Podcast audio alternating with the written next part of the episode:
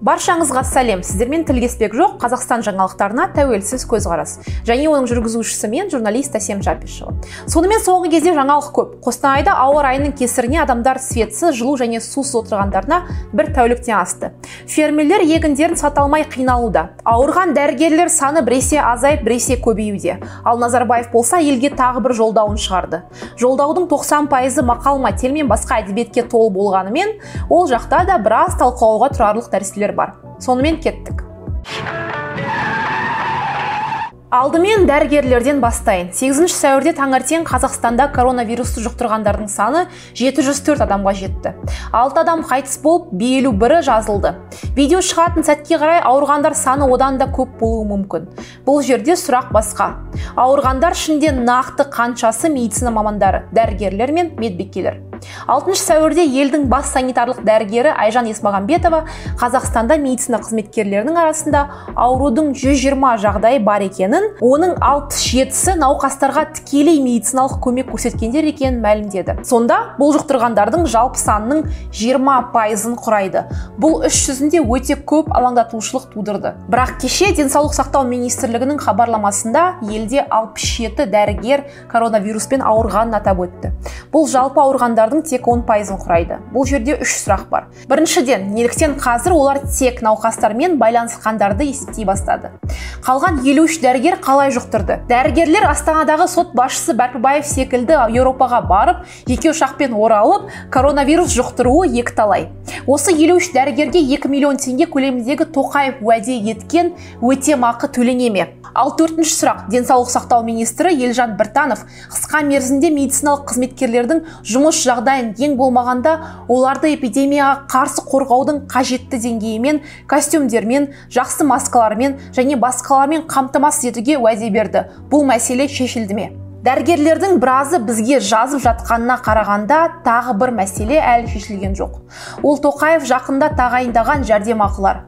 Есіңізде болса дәрігерлерді жұқтыру қаупі бойынша үш сағатқа бөліп қосымша ақша төлеуге уәде берген.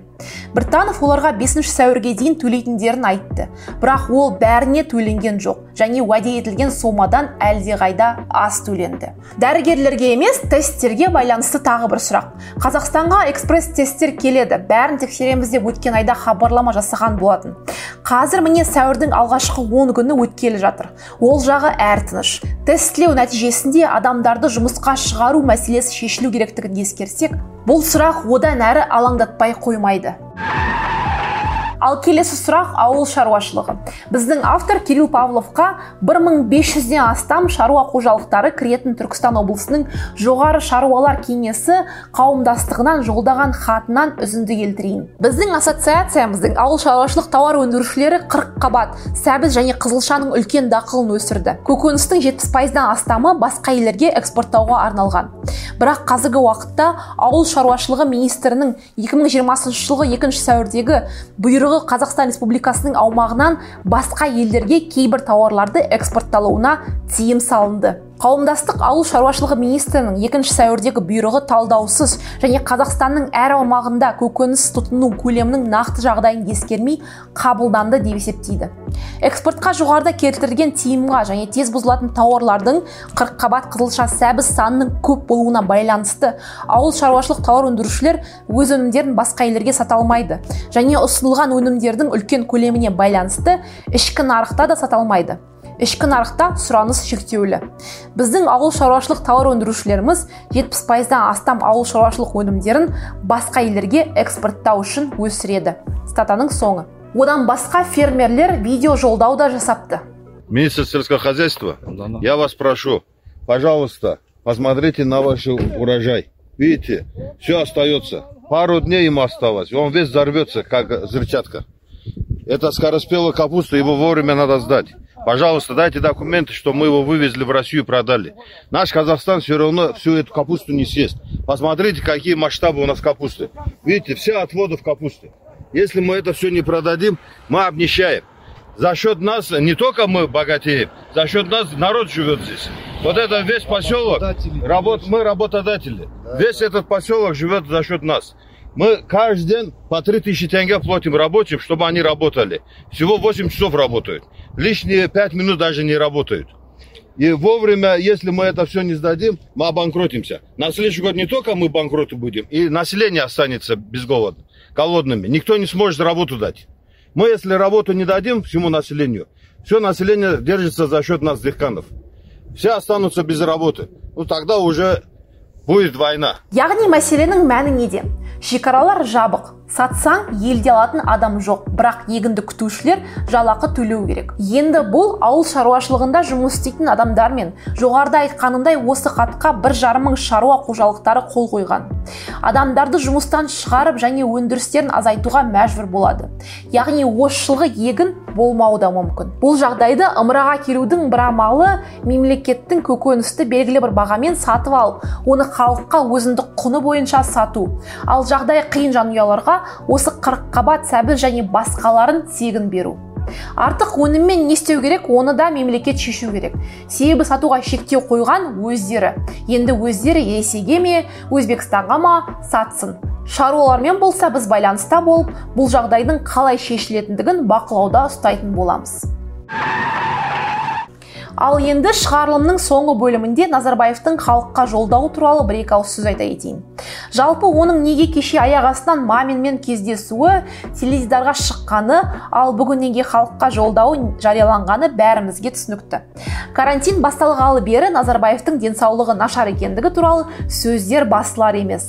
Сондықтан болар ол аяқ астынан жұртқа көрініп жатыр. Жалпы видеоға қарасақ назарбаев пен маминнің екеуінің де беттері қып қызыл екенінен басқа ештеңе жоқ. Карантиннің салдары мына екінші кварталда қиын болады. Сондықтан азық түлік мәселесі әсіресе шағын бизнесті аяғынан тұрғызу мәселесі өте керек болып отыр. Бүгінгі мақаласында да сол баяғы әңгіме. Абай бауыржан момышұлы махатма ганди әйтеке би төле билердің сөздерінен келтіріп тағы бірлік басқалар туралы айтты. Одан басқа кәсіпкерлерге де жолдау жасады. Кәсіпкерлерге де арнайы айтарым бар. Сіздер тәуелсіздіктің арқасында өз істеріңізді қалыптастырып аяқтарыңызға нық тұрдыңыздар. Мол дәулетке кенелдіңіздер енді мен еліме не беремін дейтін кездеріңіз де келді. Осы орайда менің өтінішім бойынша өз отандастарыңызға қол ұшын беріп қаржылай заттай көмектесіп жатқан кәсіпкер азаматтар баршылық. Осы бір жарасымды үрдіс игі іс одан да жалғасын табады деп сенемін. Статаның соңы. Мұндағы сұрақ кәсіпкер деп отырғандары кім? Олигархтар болса жарайды ал шағын және орта бизнестің жағдайы онсыз да ауыр. Адамдарды жұмыстан шығармаса соған рахмет айтсын. Одан басқа назарбаев ішті күйдіріп экспоны есіне алып мақтады. Сол шараның арқасында енді басқа елдер бізге көмектесетінін айтты. Экспоның оған бір қатысы бардай. Жалпы қазірге оның жолдауы туралы ең дұрыс көзқарасты менің ойымша досым сатпаев білдірген секілді. Бірінші президенттің мақаласын дайындауға қатысқандар оның бірлесе білген ел бәрін жеңеді деген тақырыбы чилилік ақын сержио ортеганың әніне өте ұқсас. Халық бір болғанда ол жеңілмейді. Екенін білдім екен. Себебі ол ән демократия үшін және диктаторлық режиммен күресушілердің әнұраны екенін және 1973 жылы әскери төңкерістен кейін чилиде содан кейін бүкіл әлемдегі демократия үшін күрескерлердің әнұраны екенін білді ме? Егер білмесе онда бұл күлкілі жағдай әрине. Егер олар білсе онда автор өзін тығырыққа тықты. Мақаланың өзі болса жартысы нөл бір өзі ұзақ уақыт өмір сүріп жатқан басқа қиялды қазақстан туралы оның қиялдаған экономикалық жетістіктері мұнайға тәуелділіктен арылуы экономиканы жетілдіргені үшінші технологиялық модернизация алдыңғы қатарлы медицина және тағы басқалар. Мақаланың екінші бөлімі сүйіспеншілікке достыққа тәртіпке және шыдамдылыққа арналған уағыз стиліндегі ойластырылған баяндама. Мұның бәрі ұлы адамдардан алынған көптеген дәйек сөздермен және назарбаевтың түсініксіз сөздерімен әсіресе адамдар мен биліктің өтірік бірлігімен байланысты. Тіпті жаңа бөліністер мен қақтығыстар туындаған билеуші классқа бірлесе білген ел жеңеді деген сөздерді қолдануға келмейтін болса да. Бір сөзбен айтқанда мақалада бәрі бұрынғыдай. Бос сөз. Ал бізде бүгінге осы назарыңызға рахмет. Каналға жазылып пікіріңізді қалдырып осы видеоға лайк басуды ұмытпаңыздар. Амандықта көріскенше сау болыңыздар.